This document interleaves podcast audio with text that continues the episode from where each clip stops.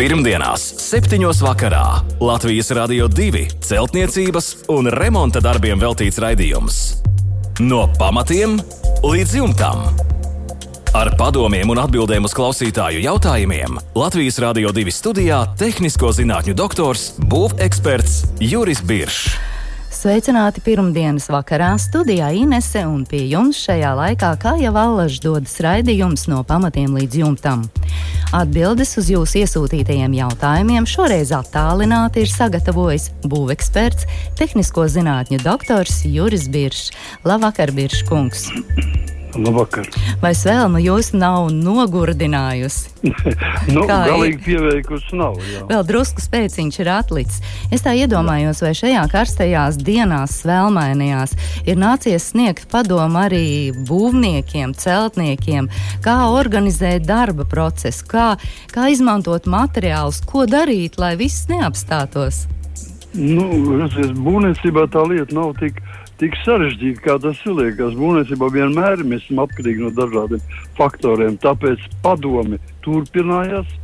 Cilvēki būvē, interese ir ļoti liela. Tas nozīmē, ka mēs tikai piemērojamies temperatūrai, vairāk jau nekas. Jā, tā ir Biržkungs. Es šajās dienās mēģināju nokrāsot durvis un sapratu, ka tas nav iespējams. Krāsa uz otiņas laikam nožūst ātrāk nekā tiek uzklāta uz durvīm. Tas ir pareizi. Tāpēc teiksim, teiksim, tādi jautājumi kā žūšanas, kā krāsošana, apgabals darbi, pašreiz ārā darbos, nu, būtu teiksim, mājas fasādes krāsošana šajā laikā ir neprāts. Ja, Jā, tas, tā... ir, tas ir ar traipiem, un tas būs jāpārkrāso, un tas ir dubults darbs. Tāpēc jā, tā ir vienīgā lieta, kur mēs nevaram atdzesēt lielas ārējās platības, bet pārējie visi iekšdarbi darām. Viss turpinās. Bet, ja. nu, bet nu, Biržkungs, jāķers pie mūsu klausītāju jautājumiem. Un sāksim mēs šovakar ar Kārļa vēstuli iesūtītajiem jautājumiem, un Kārlis ir pievienojis arī fotoattēlus. Un jautā, kā pareizi stiprināt putaplastu garāžas vārtu ailē, ja ailē no abām pusēm ir metāla leņķi. Sienas materiāls ir gāzbetons, vai līm jau uzklāt tikai tur, kur ir gāzbetons, nodībeļot, vai uzklāt arī uz metāla leņķiem un vai metāla silšanas un arī atzišanas rezultātā neveidosies plaisas. Es tā labi nesaprotu to jautājumu, bet praktiski, cik es saprotu, tā ir vārti, un šie vārti Jā. ir jāsiltina. Un, un, un, teiksim, tur ir vairāku materiālu saskaršanās problēmas, tātad sienas gāzbetons, tad ir metāla leņķi no abām pusēm. Jā. Un metāls. Tātad, ko mēs uzreiz varam pateikt, ka droši Kārli, Kārlim var droši teikt, ka var laist virsū arī uz metāla siltumizolācijas materiāls. Jo siltumizolācijas materiāls pats par sevi atdala, tas sakot, nu, neļauj sakars šim materiālam. Un ja metāls ļoti spēcīgi saulē tiksim, vai augstā temperatūrā sasilst, tad šai gadījumā viņš nes, tik spēcīgi nesasils. Tā kā nav ko baidīties, ja saskarās metāls ar siltumizolācijas materiālu. Nu, Kārlis uztraucās par šo līmju, kura būs starp metālu Jā. un siltumizolācijas materiālu. Tur viss būs kārtībā. Jā, tur viss būs kārtībā. Nu, redz, cik vienkārši. Paldies par atbildi Kārlim. Lūdzu. Nākamais jautājums mums ir no Līgas. Divstāvu gāzbetona bloku māja. Māja ir apšūta ar ķieģeļiem. Pirmajā stāvā Līga vēlas ieklāt trīsslāņu parketu. Ir betona grīda un būs arī hidroizolācija. Un jautājums ir šāds, vai trīsslāņu parketu var ieklāt uz betona vai arī uzlikt uz lāgām? Kāda ir darba secība, kā šo procesu Jā, veikt? Nu, jau tas ir jautājums ļoti raksturīgs Latvijas uh, platuma grādi, grādos, un praktiski gandrīz 90% cilvēku pielaiž šeit pamatīgi kļūdu. Tātad mums ir vienmēr jāatcerās, ka Latvijas apstākļos vienalga, kā, kāda arī nebūtu laika apstākļi pat tādā karstumā, kāds ir šogad, uz betona grīdām, īpaši vēl uz pirmā stāva betona grīdām, nekad nedrīkst likt virsū koku. Nedrīkst likt koku virsū arī tad, ja tur apakšā būs hidroizolācija situācija. Tātad, ko mēs varam, kas mūs glāb, mēs liekam, mums ir ir uh, betona grīda. Uz betona grīdas mēs liekam telpisku geomembrānu, kas ir apmēram 8 mm tādām pumpiņām, ar pumpiņām pret grīdu. Un visa šīs, šī, šī no, noklātā plakne veido tagad it kā atrāvienu no betona par 8 mm. Un izpilda to saucamo lagu funkciju. Ja? Un tālāk mēs liekam virsū trīs slāņu parketu. Uh mhm. -huh. Vai nu vienalga, vai mēs viņu liekam uz kādu pamatni, vai mēs liekam viņu uz kaut kādām lagām, vai vienalga, bet apakšā tā tad atdalām no betona ar telpisku geomembrānu. Tautā saka pumpainā membrāna. À, tas ir tālāk, laikam, lai būtu šī ventilācija, gaisa apmaiņa. Jā, lai būtu šī mitruma. Mitrums, jebkurā gadījumā, betons, jebkurā gadījumā izraisa. Iz, iz, nu, viņš uzņem bet, mit, mitrumu un atdod mitrumu. Mm -hmm. Un šis atdotais mitrums sakrāsies šajā starpiņā starp membrānu un betonu. Un tālāk viņš tiks izvadīts ārā pie grīdas līstena. Skaidrs, un ja to nedarīs, tad parkets ja būs pagalām. Tad parkets parkets būs pagalā. Jā, viss ir skaidrs. Paldies par atbildi Līgai.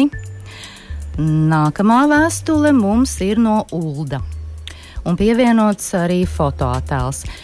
Padomi laika gados celta Līvānu māja. Mājas pirmajā stāvā sienas no betona keramzīta blokiem, otrajā stāvā sienas ir no dēļiem un OSB. No iekšpuses šīveri jumts, bet siltinājums gan nav nekāds. Un Uldis jautā, ar ko būtu jāsāk mājas siltināšana, ja siltina pa daļām, un vai ir vērts sākt siltināt pagraba griestus, ja māja nav nosiltināta. Nu, respektīvi, ir iecerēti lieli siltināšanas darbi, un jāsaprot, no kuras puses ķerties klāt, ja siltina pa daļām, soli pa solim. Jā. Tas ir eh, praktiski, protams, cilvēks var apmūst Un arī pilnīgi pareizi. Liekas, ka jāķerās tai svarīgākajai daļai. Protams, visumā mēs varam teikt tā, ka vienalga kam, kurai daļai mēs pieskarsimies un ko mēs sāksim siltināt, viņa iespaidos kopējo mājas siltuma bilanci, jebkura daļa. Bet ir tomēr daudz svarīgākais. Tātad pirmām kārtām es ieteiktu, tas ir pārsegums. Tātad šai gadījumā otrā stāva pārsegums Nu, ja mājai, cik es saprotu, divi stāvi. Ja? Jā, mājai ir divi stāvi. Mājai ir divi stāvi, un tā tad, tā tad pārsegums, kas atdala telpu no, no, no bēniņa telpas. Mm -hmm, jo mājai ir šīferi nu, jumts bez siltinājuma. Jā bez siltinājuma. Tāpēc mums ir pats galvenais ir šis pārseguma siltinājums. Pārseguma siltinājumam vajadzētu būt vismaz 20, 25 centimetri, teiksim, ekovate vai akmens vate, vienalga. Tas ir numur viens. Tālāk, protams, ka ideāli ir siltināt ārsienas no ārpuses. Mm -hmm. Tas ir otrs numurs, kas būs. Un tikai pēc tam var vērsties iekšā par pagraba siltināšanu, pagraba griezti vai cokola siltināšanu un tā tālāk. Tie jau ir otršķirīgāki jautājumi. Jā, jo ārsienas ir um, pirmā stāva sienas no betāna keramzīta blokiem. Ir. Jā, betona keramzīta blokiem, kas noteikti ir siltināmi. Tādi viņi paši par sevi pastāvēt nevar. Otrā, otrā stāvs ir dēļi un OSB, OSB. arī prasa. Ja? Arī prasa siltinājumu. Mm -hmm. Jā, paldies. Visos šajos gados. Viss ir skaidrs. Vēl ko jūs gribējāt piebilst, pārtrauc visos šajos gadījumos? Es vienkārši, vienkārši gribēju teikt, ka visos šajos gadījumos ir jā, jāpaņem prā, prātā, jāatliek viens, viens tāds postulāts. Ja siltinām no ārpuses, lietojam minerālu vatu, siltinām no iekšpuses minerālu vatu nelietojam. Lietojam uz koka bāzes veidot siltumizolāciju. Mīkstās koks ir plates, ekovate, koku vata un tā tālāk. Jā, šis jūsu teiciens jau ir kā mantra, lai klausītāji to ievērotu. Paldies, Biržkungs, par atbildi Uldim. Pirmdienās, 7. vakarā Latvijas Rādio 2 celtniecības un remonta darbiem veltīts raidījums. No pamatiem līdz jumtam. Ar padomiem un atbildēm uz klausītāju jautājumiem Latvijas Rādio 2 studijā - tehnisko zinātņu doktors, būveksperts Juris Biršs. Nākamo vēstuli mums ir atsūtījusi Ilze no Alsungas. Un tā skan šādi: vēlos jūsu padomu par skaitbetona mājas. Māja celta 1950. gadā, atjaunošanu un siltināšanu. Māja ir divu stāvu, skaitbetona sienu biezums ir aptuveni 30 cm. 2020. tātad pagājušajā gadā pusmājas pirmā stāva tika izlaustas vecās grīdas, ieklātas siltās grīdas, izveidota toaletes telpa, siltinot ārsienu ar akmens vati 5 cm, virsū liekot ģipškartona plāksnes pie profiliem, arī nomainīti četri logi ar jauniem koku logiem. Un šogad Ilze plāno atjaunot otru mājas pusi pirmajā stāvā, gan grīdas grīdas, gan sienas, gan griestus. Un jautājums ir par sienām no iekšpuses un ārpuses mājas rietumu pusē. Ko un kā vislabāk darīt siltināšanai un fasādes aizsardzībai? Un raugi ir jau šis tas izdarīts. Kaut kad mājas ārsiena rietumu pusē ir tikusi remontēta, pieliekot puta plastu apmēram 5 cm un sietu visā mājas augstumā. Pārējās ārsienas gan nav aiztiktas. Iekšpusē rietumsienai bija novērojama ūdens tecējuma, visticamāk, nekorektas otrā stāva loka balodas dēļ. Un tagad viss ir novērsts un viss ir kārtībā. Un jautājumi ir šādi: vai nepieciešama sienu siltināšana vai no iekšpuses vai no ārpuses? Un ir ideja, ka varbūt var nelikt vati un saglabāt šo skaitbetonu sienu, kārtīgi sabetonējot grīdu un nomainot logus, vai tas varētu darboties. Un vēl par um, hidroizolēt vai remontēt no ārpuses. Un galvenais, ko darīt ar šo putaplastu rietumu sienai, kurš jau ir uzklāts kā šo otru mājas pusi tagad savest kārtībā pie šādas situācijas, Biržkungs. Jā. Nu, es teiktu, ka jūs ir uzdevusi veselu virkni jautājumu. Un te nu varētu stundām stāstīt, kā to vajadzētu darīt. Viņa arī atsūtījusi ir bildes. Varbūt un, pieskarsimies pie galvenajiem sākuma punktiem šajā nu, situācijā. Varbūt tas tiešām, tiešām šajā situācijā tā arī vajadzētu, vajadzētu skatīties. Ie, ieplānot ļoti daudz darba un mēģināsim kaut ko ievest kaut kādu kārtību. Vai nepieciešams sienu siltināšana? Noteikti ir nepieciešams sienu siltināšana, bet šeit ir jāizvēlās viena lieta. Vai jums ir, viņa, viņa ir skaitbetona māja, celta 50 gadiem, tā tad nav īpaši eh, stingra, un tāpēc viņu siltinot no ārpuses būs lielāks daudzums, teiksim, nu, lētākās minerālu latas, bet tajā pašā reizē grūti stiprināms pie skaitbetona sienas. Tāpēc es ieteiktu šajā gadījumā iztikt ar mazāku variantu. Ja mēs paņemam un no iekšpuses siltinām ar mīkstām kokšķietu plāksnēm, tad es domāju, ka 25 vai sliktākā gadījumā 50 mm. Tas nozīmē viena, viena kārtā mīkstā kokšķietu plāksne, 2,5 cm un otra vēl virsū. Tas ir maksimums. Viņi nesamazinās šo samērā nelielo mājiņu iekšējo platību tik daudz, kas būtu diskomforts. Ja? Tas nozīmē, un tajā gadījumā mēs varētu atstāt visu tā, kā viņš paliek. Viņi ir labi elpojuši, un es nemaz negribētu no ārpuses siltinot, viņai apgrūtināt šo, šo pozitīvo īpašību. Tāpēc varbūt tas no iekšpuses, ja tas ir iespējams, ņemam visu nos, liekam virsū, kas jau tur ir virsū, visi ap, apkā apdars materiāli. Atstājam tikai kokbetonu, uz kokbetonu divās kārtās mīkstas kokšķiedra plāksnes un uz viņām virsū cietiņš, vislabāk čūtas audums cietiņš un māla vai tīra kaļķa apmetums, daži milimetri biezumā. Jā. Tas būtu stā, sākums. Un vēl Ilzi jautāja par šo rietumu sienu, kur kaut kad ir tikusi kā, remontēta, pārklāta puta plastu 5 cm un sietiņš jau uzlikts, un tas ir visas mājas augstumā. Bet cik es noprotu, tā ir tikai viena siena. Pārējās sienas nav siena. aiztikts. Ko Jā, tur darīt? No, protams. Kā?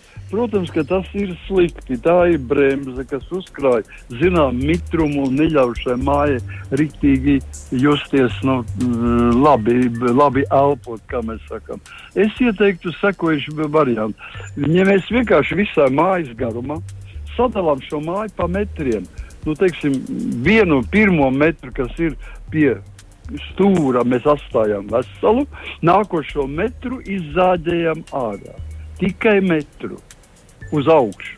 Metru platumā tāda, kur, kas izzāģē ārā visu putu materiālu. Atkal atstājam metru ar, ar putu materiālu un metru izzāģējam ārā. Tā mēs noejam visu rietumu sienas garumā. Un šo noņemtajā daļā ieklājam iekšā akmens vatu. Uh -huh. Un pēc tam jau tā siena tāda raiba. Pēc tam sanāk. mēs varam, jā, nu siena sanāk raiba. Vai nu mēs vienu gadu izturam raibu un otrā gadā apmainām nākošās, nākošās daļas, bet tas ir ļoti vienkārši izdarāms. To var darīt bez, bez speciālistiem. Un, un, un pēc tam var jau, protams, arī ņemt un viņu nošpaktelēt šīs salaiduma vietas un nokrāsot. Tas jau arī iespējams. Un tad tur arī jāliek sietiņš un jākrāso droši vien. Jā, Viss. Jā, nu skaidrs, darba secība ir skaidra. Vēlam katrā ziņā Ilzei, Alsungā, lai viss izdodas, viss iecerētais un mājas muka kā bildi gala rezultātā. Jautā klausītājs! Un nākamais klausītājs mums ir Guntis. Nu, Guntim ir tāds ļoti interesants jautājums. Droši vien um, pilnīgi viennozīmīgu, pareizo atbildi mēs neatradīsim. Tas būs tāds, eh, varbūt jūsu viedoklis vairāk, Biržkungs. Nu, redz, Gunti interesē, kādu apkuru ierīkot. Pagaidām ir krāsnes apkure. Caur krāsnes cukām iet plīts dūmim. Nu, vējainā laikā gan viss ir guntim kārtībā, bet bezvēja laikā plīts kūp. Un vēlās guntis krāsni jaukt nost, likt malkas plīti ar centrālu apkuri un tad viņi māca šaubas, vai tomēr cita veida apkuri.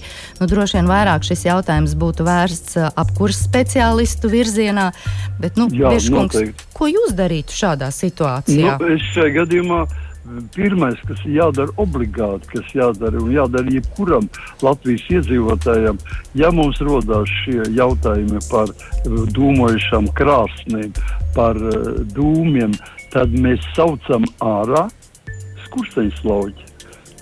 Katram reģionam ir savs skursteņa slauķis, kurš lieliski apstaigā savus sakot, kundas un visu viņu pazīst katru skursteni. Tātad šeit parādās jautājums, vai skurstenis, kad viņš ir tīrīts un kāpēc viņš dūmo. Tas nor norāda jau jau uh, aplinkus norāda to, ka nav vilkme. Vējanā laikā ir, bet kad nav ne, vilkmes nav. Tātad vai nu nav tīrīts skurstenis pietiekoši, vai teiksim, skurstenēm ir pārāk nepareizi augstumā jumtiņš, vai vispār viņa nav. Un jāskatās, vai nevajag skursteni mazliet pacelt augstāk. Tas ir uzlabot šo.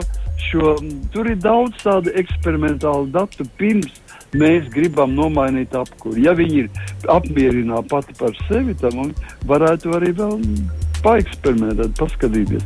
Bet, jebkurā gadījumā, vajadzīgs ir skūpsteņš, slauķis, slēdziens, rakstisks, kurš ir obligāts. Mm -hmm. nu jā, pirms veikt šādus radikālus soļus, ir jāpamēģina, varbūt, varbūt tas vēlns nav tik melns kā mālē. Tieši tā. Jā, paldies par atbildi Guntim. Nākamā vēstuli mums ir atsūtījis Aivis un pievienojis arī klāt projektā fotoattēlus. Un stāsts ir šāds: gāzbetona sienas 300 mm biezas mājai. Virsū būs armējošā josla. Kā pareizi abos galos nostiprināt pārseguma brusas? Vienu galu varētu likt nekustīgu, bet kā ar otru galu un vai var samazināt attālumu starp brusām. Uh, var izmantot plānāku koku materiālu, nu, piemēram, teiksim, 100 mm plata brusa un 800 mm solis, un to aizstāt ar 50 mm un 400 mm soli. Un uh, vēl viņš jautā, kā projektā tiek risināts mūrlatas augstums, jo viņam liekas, ka neiet kopā augstums nojumē ar pārējo daļu, un pielikumā ir projekta daļas. Nu, es teiktu, tā, ka es par šo projektu ne, projektā neiedzināšos. Mēs mm, jā, tur daudz. Laika. Jā. Jā, bet šajā gadījumā jāsaprot, ir vairākas likumsakarības. Pirmkārt, tātad, jo būs augstāka lata, jo tas ir labāk. Nevaram samazinot soli, aizstāt ar zemāku. Ja? Mēs varam aizstāt ar plānāku brusu, bet augstuma ziņā viņai jāsaglabā tas pats, vai pat jābūt augstākai. Tad mēs iegūstam to, ko mēs arī cenšamies - stabilitāti, mazākas vibrācijas, labāku nespēju, mazākas deformācijas. Tas ir pirmām kārtām. Otram kārtām, eh, liekot virsū, es tā labi nesaprotu, ir, ir eh, mūrlata, tas ir skaidrs, bet ir, cik es saprotu, tās ir pārseguma sijas. Nu, pārseguma brūsts, pārseguma sijas guļ brīvi. Neies, viņas guļ brīvi uz abām pusēm uz materiāla. Teiksim, ja tas ir materiāls, ir koks, tad uz koka, ja tas ir gābetons, gābetons, apakšā palikts ir hidroizolējušs materiāls. Abi gali tiek novietoti brīvi. Viņi var pagarināties uz jebkuru pusi, ne tikai mm -hmm. viena puse. Abi gali ir vaļā, abi gali ir ietīti ļoti viegli ar hidroizolācijas papi riņķi, tā lai gaiss tiek klāts, lai nebūtu stingri iepakots, jo gala sanāk viņi nopūst. Un paši gali vaļā, viņi slīpi, lai palielinātu uh, laukumu. Ja gadījumā ir kaut kāds mitrums, lai viņš vieglāk caur galiem iz, iz, iztvaikot. Mm -hmm. Jā, paldies par atbildējumu.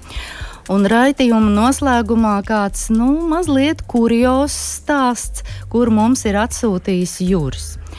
Un stāsts ir šāds. Laukos ir izrakts dīķis 20 x 30 metri, 4 metri dziļš. Zosis Jurim ir ielēkušas dīķī un nenāk ārā. Un ko Juris dara? Uz ātru roku izveido plostu. Trīs baļķi, 2,5 metri garumā un platumā, virsū 1,40 m plati dēļi, iemet plostu dīķī, pats virsū, dīķa vidū sāk grimt ar visu plostu. Nu, liela jēzga, pats izpeldējis, zosis arī pārbijušās izpeldējušas. Un tad kāds gudrs draugs viņam ir teicis, ka savs svars jāpareizina ar pieci, lai plostam būtu nestspēja. Nu, tad Juris parēķināja, ka izmantoti tikai 0,2 kubikmetri koku materiālu, bet, ja rēķina viņa svaru 85 kg reizes 5, tad sanāk 0,5 kubikmetri. Nu, tad, tad plosts būtu peldējis.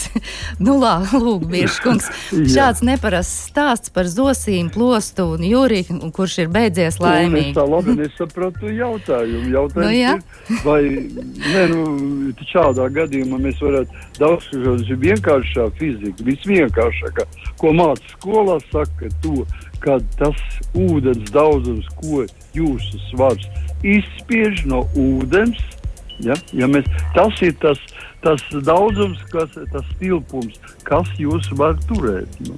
Mm -hmm. Tā kā tur ir jāskatās, nu, jā, godīgi sakot, es pašai neiedziļinos tajā jautājumā, vai tiešām nu, jā. šis ir tāds cipars. Nu, katrā nu, ziņā, Biržkungs, es paskatījos plosta celtspējas noteikšanu. Ja? Tur ir jā. visai sarežģītas formulas un aprēķini, un tur ir jāprasa speciālistam. lieta, un vai šis nu, gudrais ir? Tikai jā. tas vien, jūs saprotat, ir jā, mums arī vēl koks, varbūt, ka koks ir mitrs bijis. Nu, un tātad viņš ir pats, pats ro, ie, ie, knapi turās virs ūdens. Tur ir ļoti daudz dažādu faktoru. Tur tā vienkārši pareizināt ar šo koeficientu nevar. Nu, jā, skaidrs. Nu, paldies par atbildi Jurim un Jūras stāstu. Mēs apskatījām nu, visai kuriozi, bet galvenais, ka viss ir beidzies laimīgi.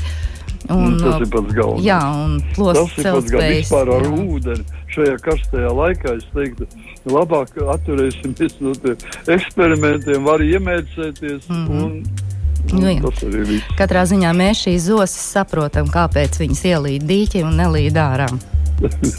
Tas ir pilnīgi skaidrs. Tas ir skaidrs šajā gadījumā. Šovakar Biržkungs mūsu rādījums tuvojas noslēgumam. Paldies jums par jūsu darbu, paldies klausītājiem par jautājumiem. Vēl tikai noslēgumā atgādināšu mūsu e-pasta adresi uh, remonts at lr2.lv. Uz šo e-pastu sūtiet savus jautājumus, pievienojiet fotoattēlus. Varat arī iesūtīt jautājumus, izmantojot mūsu Latvijas Radio 2 mājaslapu. Un vēl noklausīties jau izskanējušos raidījumus varat Latvijas Latvijas radio arhīvā un arī izmantot savas iecienītākās podkāstu platformas. Mēs noteikti Latvijas radio divi ēterā šajā raidījumā tiksimies jau pēc nedēļas uz Imanta, Jāņa un Gunāra jautājumiem, tad arī noteikti atbildēsim. Bet šovakar gan visu labu! Uz tikšanos pēc nedēļas! Visu labu! Pirmdienās, 7. vakarā Latvijas Rādio 2 celtniecības un remonta darbiem veltīts raidījums. No pamatiem līdz jumtam. Ar padomiem un atbildēm uz klausītāju jautājumiem Latvijas Rādio 2 studijā - tehnisko zinātņu doktors, būveksperts Juris Biršs.